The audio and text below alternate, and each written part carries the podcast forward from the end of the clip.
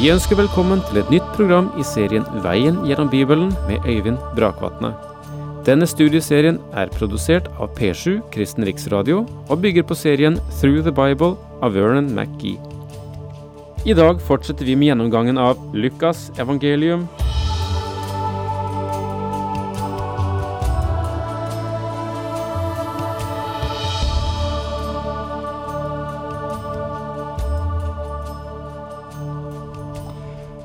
Lukas som er lege, han eh, legger merke til en del faktorer som de øvrige eh, evangelistene ikke alltid legger merke til.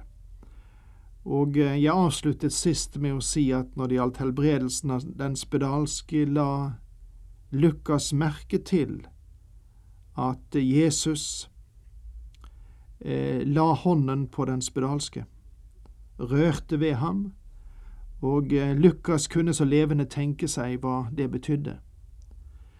For det å være spedalsk i Israel var å være atskilt, og når presten, som var eh, datidens eh, helsevesen, presteskapet, konstaterte at det var spedalskhet, så ble man øyeblikkelig atskilt fra sine kjære.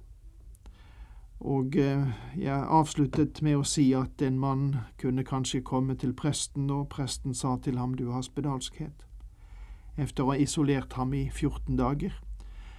Og mannen ville be om å få gå hjem og si farvel til sine, men fikk ikke lov til det. Du kan ikke, ville presten svare. Og tenk deg da at du neppe ville få en anledning noensinne igjen til å legge armen rundt din gode hustru. Du vil aldri få en anledning til å dra barna inn til deg og klemme dem. Tenk deg den situasjonen. Og så gikk mannen alene. Familien brakte mat til ham til et bestemt sted og til en bestemt tid kanskje, og så trakk de seg tilbake, slik at han kunne komme og hente den, så kunne de rope til hverandre, men aldri komme nær hverandre. På lang avstand kunne han se sin hustru og følge med i at barna hadde vokst dag for dag, men aldri være hos dem. Men så en dag kom den Herre Jesus Kristus forbi. Og den spedalske ropte ut, Om du vil, så kan du helbrede meg. Og kongenes konge svarte, Jeg vil, bli ren. Men legg merke til hvordan Herren helbredet ham. Han rakte ut sin hånd og rørte ved denne mannen som var angrepet med spedalskhet. Denne stakkars mannen hadde ikke kjent berøringen av en annen hånd i årevis. Kan du forestille deg hva det må ha betydd for ham å bli berørt av Kristi hånd? Har den Herre Jesus rørt ved ditt liv? Ja, denne anledningen byes til å si det. Det er så mange menneskers liv som trenger denne berøring. Om du tilhører ham og drar av gårde for å fiske etter hans veiledning, så er jeg ganske trygg på at du kan gå og nå noen for Herren. Du trenger å rekke ut din hånd og røre en sjel som bare du kan berøre for ham i dag. Så jeg får bare ønske deg lykke til med denne dagen og med denne dagens gjerning i Jesu navn. Ja, for jeg håper det er slik at vi innvier våre dager, så mange dager som vi får til den Herre Jesus Kristus. En dag han holdt på med å lære folket, står det videre i Lukas 5, vers 17, var det noen fariseere og lovlærere til stede. De var kommet fra alle landsbyene i Galilea, fra Judea og Jerusalem. Jesus hadde Herrens kraft så han kunne helbrede. Der kom det noen menn med en lam mann på en båre. De forsøkte å bære ham inn og legge ham ned foran Jesus. Men da det var uråd å få ham inn på grunn av trengselen, gikk de opp på taket, tok til side noen takstein og firte ham ned på båren midt foran Jesus. Da Jesus så deres tro, sa han, Venn, dine synder er deg tilgitt. Dette er historien om den lamme i Kapernaum som ble helbredet.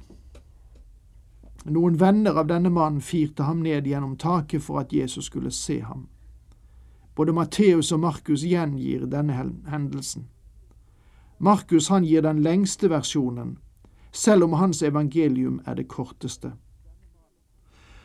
Herren helbredet denne mannen fordi disse fire menn førte ham til Jesu føtter, der den stakkars karen kunne høre, Venn, dine synder er deg tilgitt. Dette var et vidunderlig ord som kom til denne mannen. Det er mange mennesker som aldri kommer til å ta imot frelsens budskap uten at du løfter et hjørne av deres båre og bærer dem til det sted der de kan høre Herrens ord. De er paralysert, forlammet av sin synd og av de mange ting i verden som holder dem fast. Noen er paralysert av fordommer og andre av likegyldighet. De kommer aldri til å høre Jesus si til dem, dine synder er deg tilgitt, uten at du griper tak i et hjørne av båren og fører dem til ham. Dette understreker det faktum at Jesus ønsker at vi skal spre frelsens budskap til andre. Det er derfor jeg forkynner Guds ord. Men husk at en mann kan ikke bære en båre alene. Det tok fire menn å bære båren med den lamme på. Det trenges flere menn og kvinner i dag for å hjelpe til med å få Guds ord ut til dem som trenger ham. Deretter gikk Jesus ut, og han fikk se en toller som het Levi, sitte på tollboden.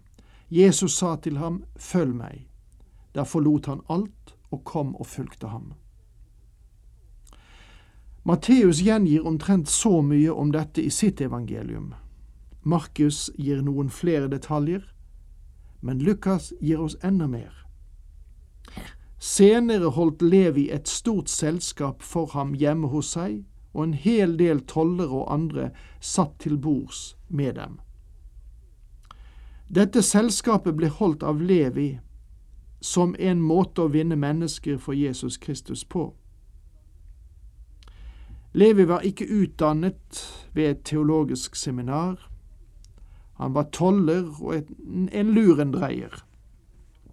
Da han kom til Jesus, så gjorde han det han kunne. Han var en rik toller, så han ga en middag, et selskap, og inviterte alle sine lurendreiervenner til den, slik at også de kunne møte Jesus. De skriftlærde og fariseerne som var der, hadde vanskeligheter med å holde munn, og til slutt kom de til ham. Fariseerne og deres skriftlærde ble forarget, står det, og sa til disiplene, Hvorfor spiser og drikker dere sammen med tollere og syndere? De skriftlærde og fariseerne kritiserer gjennom et spørsmål, og Jesus hadde et godt svar å gi dem. Herren beskytter sine egne menn. Men Jesus svarte, Det er ikke de friske som trenger lege, men de syke. Jeg er ikke kommet for å kalle rettferdige til omvendelse, men syndere. De skriftlærde og fariseerne spurte disiplene hvorfor de åt med tollere og syndere. Herrens svar var enkelt og vidunderlig. Han var den store legen og gikk ikke rundt og helbredet mennesker som allerede var friske. Han kom for å tjene den som var syk, det være seg til legeme, men fremst for å fri fra syndens spedalskhet. Evangeliet er i virkeligheten for dem som erkjenner sitt eget behov. Det er mennesker som tror at de er for gode til å trenge en frelser. De kjenner ikke sitt behov. Men erkjenner du dine behov, så er evangeliet for deg. Kristus både kan og vil frelse. Om du har nok i deg selv, ikke har noen personlige behov og går dine selvvalgte veier, så vil det lede deg mot stupet, sier Skriften. Jeg er lei meg. Den store lege kan ikke gjøre noe for dem som tror de ikke er syke. De sa da til ham, Johannes' disipler holdt ofte fast og bønn, og det samme gjør fariseernes disipler, men dine disipler spiser og drikker. De skriftlærde og fariseerne spør da hvorfor Johannes' disipler og fariseernes disipler faster, mens Jesu disipler lever lykkelig og ubesværet. Og Jesus svarte, kan bryllupsgjestene faste mens brudgommen er hos dem? Men det skal komme en tid da brudgommen blir tatt fra dem, og når den tiden kommer, da skal de faste. Vi har i dag en anledning i Jesus selskap å kjenne oss vel. Men faste har sine gode sider når vi er klar over at Herren er i himmelen og vi er i denne verden som har fornektet ham. Men poenget er at enten vi fester eller faster, så er det vårt oppdrag å få ordet ut til mennesker som trenger ham. Jesus han forteller nå lignelser om et nytt klesplagg og nye skinnsekker. Og dette er den første lignelsen i Lukas evangeliet, og merk deg det. Han fortalte dem også en lignelse. Ingen river et stykke av et nytt klesplagg for å lappe et gammelt, for da rives jo det nye klesplagget i stykker. Og lappen fra det nye passer ikke på det gamle. Og ingen fyller en ny vin i gamle skinnsekker, for da vil den nye vinen sprenge sekkene, Vinen renner ut, og sekkene blir ødelagt. Nei, ny vin må fylles i nye skinnsekker. Og ingen som har drukket gammel vin, har lyst på ny. Han vil si at den gamle er best. Det naturlige mennesket liker sine egne gamle veier. Han liker gammel vin, det er sin gamle religion. Det er viktig å ha det klart for seg at Vår Herre førte noe nytt inn i menneskeslekten, evangeliet. Han kom ikke til verden for å lappe på det gamle, han kom ikke for å flikke på loven, han kom for å betale syndens straff ved å dø på korset. Men han gjorde mer enn det, han sto opp fra de døde, så han kunne legge rundt oss sin rettferdighetskappe. Han gir oss evangeliets nye vin og evangeliets nye vin plasseres i nådens nye skinnsekker, ikke i de gamle som tilhørte loven. Drikk dere ikke fulle på vin, det fører til utskeielser, men blir fylt av Ånden, sier Paulus i Efeserne 5, vers 18. Dette er det budskapet Herren gir oss i dag. Han kom for å gi oss noe nytt. Han kom for å frelse oss ved tro på ham selv. Hele dette kapitlet peker i én retning, og det er å presentere det herlige evangelium i Jesus Kristus under så mange forhold som mulig, så mennesket kan høre og ha mulighet til å velge, enten de vil akseptere ham eller fornekte ham. Og vi må alle ta denne avgjørelsen personlig for oss selv. Ja, dermed så um, setter vi punktum ved det femte kapitlet. Og jeg um, sa her at uh, vi må alle ta avgjørelsen for oss selv. Og det er uh, godt å ha fått opplevet også at gjennom disse radio-bibelstudier har mennesket kommet til erkjennelse av at de trenger en frelser, og at de må ta avgjørelsen selv. Og kanskje jeg vil sende en spesiell hilsen til dere som enten gjennom dette eller på annet vis er nyfrelste og opplevet at dere måtte ta en avgjørelse. Eh, den avgjørelsen vil dere aldri angre på. Hold fast på det dere nå eier, for det er klenodier som eh, teller i tid og evighet. Takk for nå. Herren med deg.